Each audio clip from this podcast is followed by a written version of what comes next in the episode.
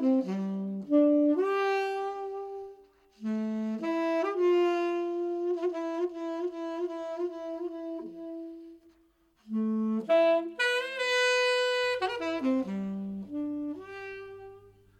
tekrar merhaba.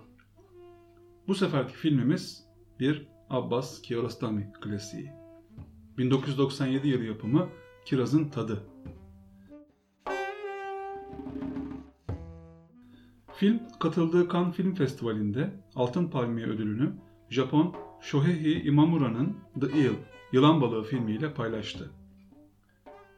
Orta yaşlarında varlıklı olduğunu düşündüğümüz bir adamın Tahran'ın caddelerinde, mahallelerinde arabasıyla dolaşarak ona henüz ne olduğunu bilmediğimiz bir konuda yardımcı olacak birini araması ve karşılaştığı insanlarla yaşadığı diyaloğu anlatıyor.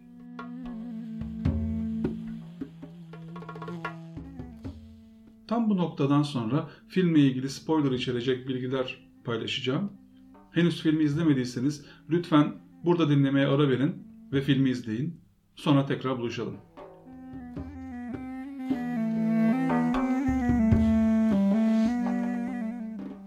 Sıradan bir intihar filminde intihar edecek veya intihara meyilli insan hakkında az da olsa bilgi sahibi oluruz.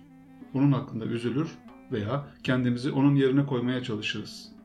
Filmin kahramanı olan Bedi için böyle hissetmiyoruz. Korkuyoruz, ilgimizi çekiyor fakat üzülmüyoruz. O bunu istemiyor.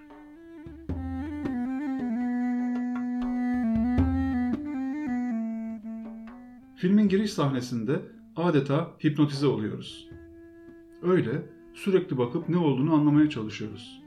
Bu aklıma Tarkovski'nin Mühürlenmiş Zaman kitabında anlattığı klasik anlatıcı sinema dramaturjisi yerine neden şiirsel sinema yöntemini tercih ettiğini açıkladığı bölümü getirdi.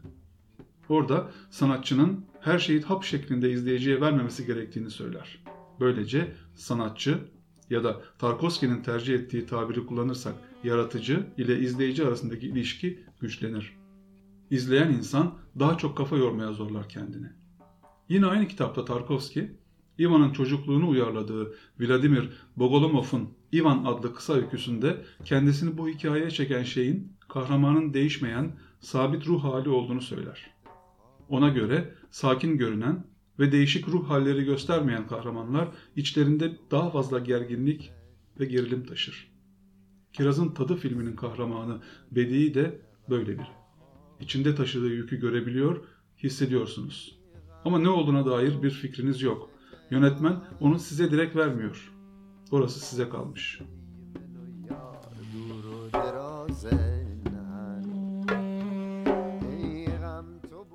İlk 10 dakikanın sonunda filmin adı ekranda görünmeden hemen önce Bedi'nin konuştuğu plastik toplayıcı adamın da dediği gibi o sadece plastik topluyor. Hayatı çok karmaşık değil. Ailesine yardım etmek için toplamak zorunda. Gerisi onun için çok karışık.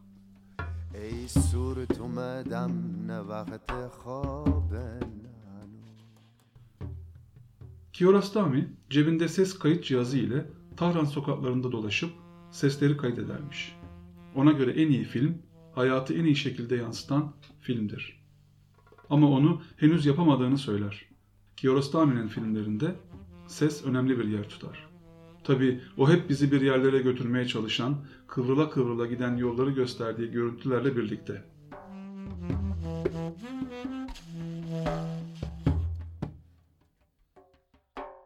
Bedi'i Tahran caddelerinde arabasıyla dolaşırken sürekli kente ait sesler duyarız.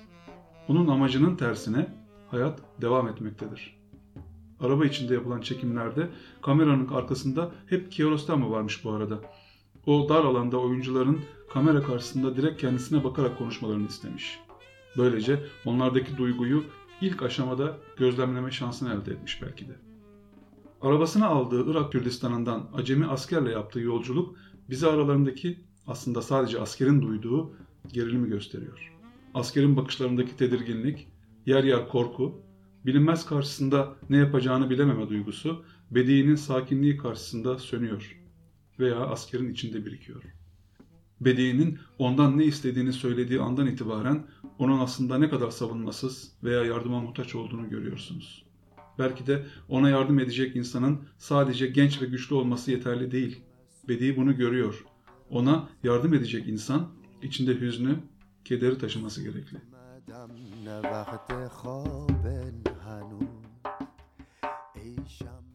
Daha sonra denk geldi Afganistan göçmeni bir ilahiyat öğrencisine benim mutsuz yaşamamdan daha büyük nasıl bir günah olabilir ki diyor. Ve ilk defa Bedi'nin gözlerinde umutsuz, çaresiz bir insanı görüyoruz. Kendi durumunun başkalarına, sevdiklerine getirdiği umutsuzluğun yükünü daha fazla taşıyamayan bir insan. Film neredeyse bizim yaşadığımız zamanla eş zamanlı ilerliyor. En azından ilk bir saatlik bölüm için söyleyebilirim bunu.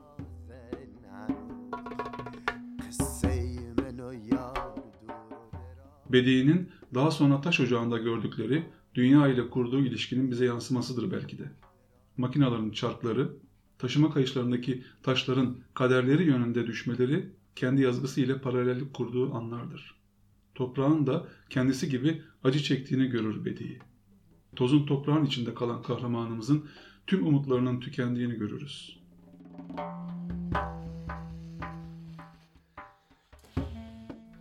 Tam o sırada yanına yaklaşan bir taş işçisinin yaptığı uyarılar ve onun hasta olduğunu düşünerek basitçe çay ister misin demesi karşısında Bedi'yi oturduğu yerden kalkar ve arabasına binerek saçları kırlaşmış, bilge görünümlü adamla yaptığı anlaşma üzerine konuşmaya başladığını görürüz. Onunla ne zaman nasıl karşılaşmış veya anlaşmıştır bilmiyoruz. Yönetmen orasını belki de bizim doldurmamızı ister. Yaşlı adam bizim duygularımıza tercüman olur. Orada olsak Bedi'ye sormak isteyeceğimiz soruları sorar ona. Yol ayrımında Bedi'ye gitmesi gereken yolu tarif eder. Gösterdiği yolun daha uzun ama daha güzel olduğunu söyler. Burada bana göre ondaki kadim bilgelik ile karşılaşırız. Böyle bir tercihin benzerini Tarkovski'nin Stalker filminde görmüştük. Profesör ve yazara rehberlik eden iz sürücü kısa ve kestirme yol yerine uzun ve çetrefilli olanı seçmişti.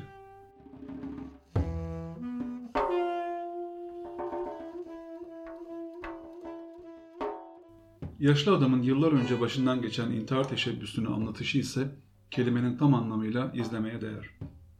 İpi ağacın dalına takmaya çalışırken elini uzattığı zaman görüp ağzına attığı dutun tadı ve sonra güneşin doğuşuyla birlikte gördüğü manzara karşısında gösterdiği şaşkınlık, tam o sırada okula giden çocukların ondan ağacı sallamasını istemeleri ve çocukların dutları yemesi karşısında kendini mutlu hissetmesi, topladığı dutlarla birlikte eve gelip uyurken bulduğu karısının da onları yiyip mutlu olması, onun intihar aşamasından nereye geldiğini anlattığı muhteşem tiradı bizi büyülüyor.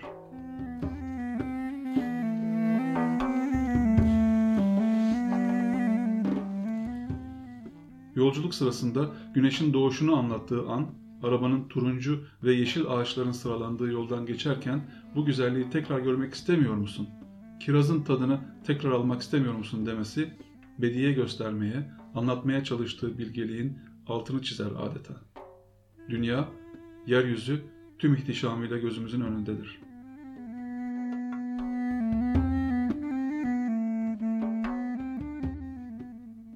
Filmin başında Bedi'nin kendisine yardımcı olacak birini ararken karşılaştığı ve onun suratını dağıtmakla tehdit eden genç mermer ustası ile filmin sonuna doğru mükemmel bir planla tekrar karşılaşır genç adamın daha önce yaşadığı problemin çözüldüğünü görünce sanki kendi problemini tekrar sorgulama isteği doğar ve birden aklına gelen bir şeyle, acemi bir koşma ile ihtiyarın çalıştığı yere gider. Ona yaptığı anlaşmayı ısrarla hatırlatması ve ölmüş olmama ihtimaline karşılık onu omuzundan dürtmesini istemesi aslında hayata tekrar bağlandığının işaretidir belki de.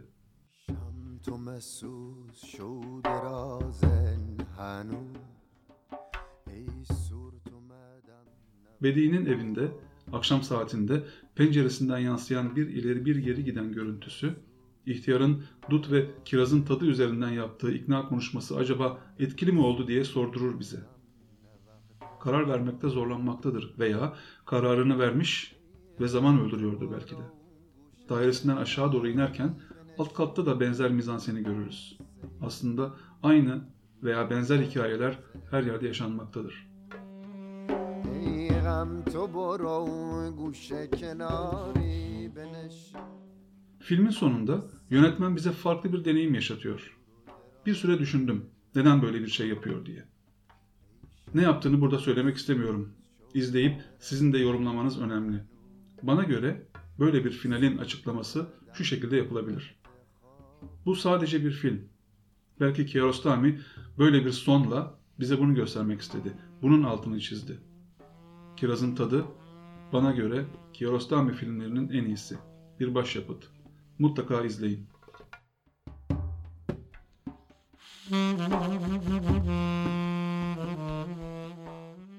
Umarım bu anlatımı beğenmişsinizdir.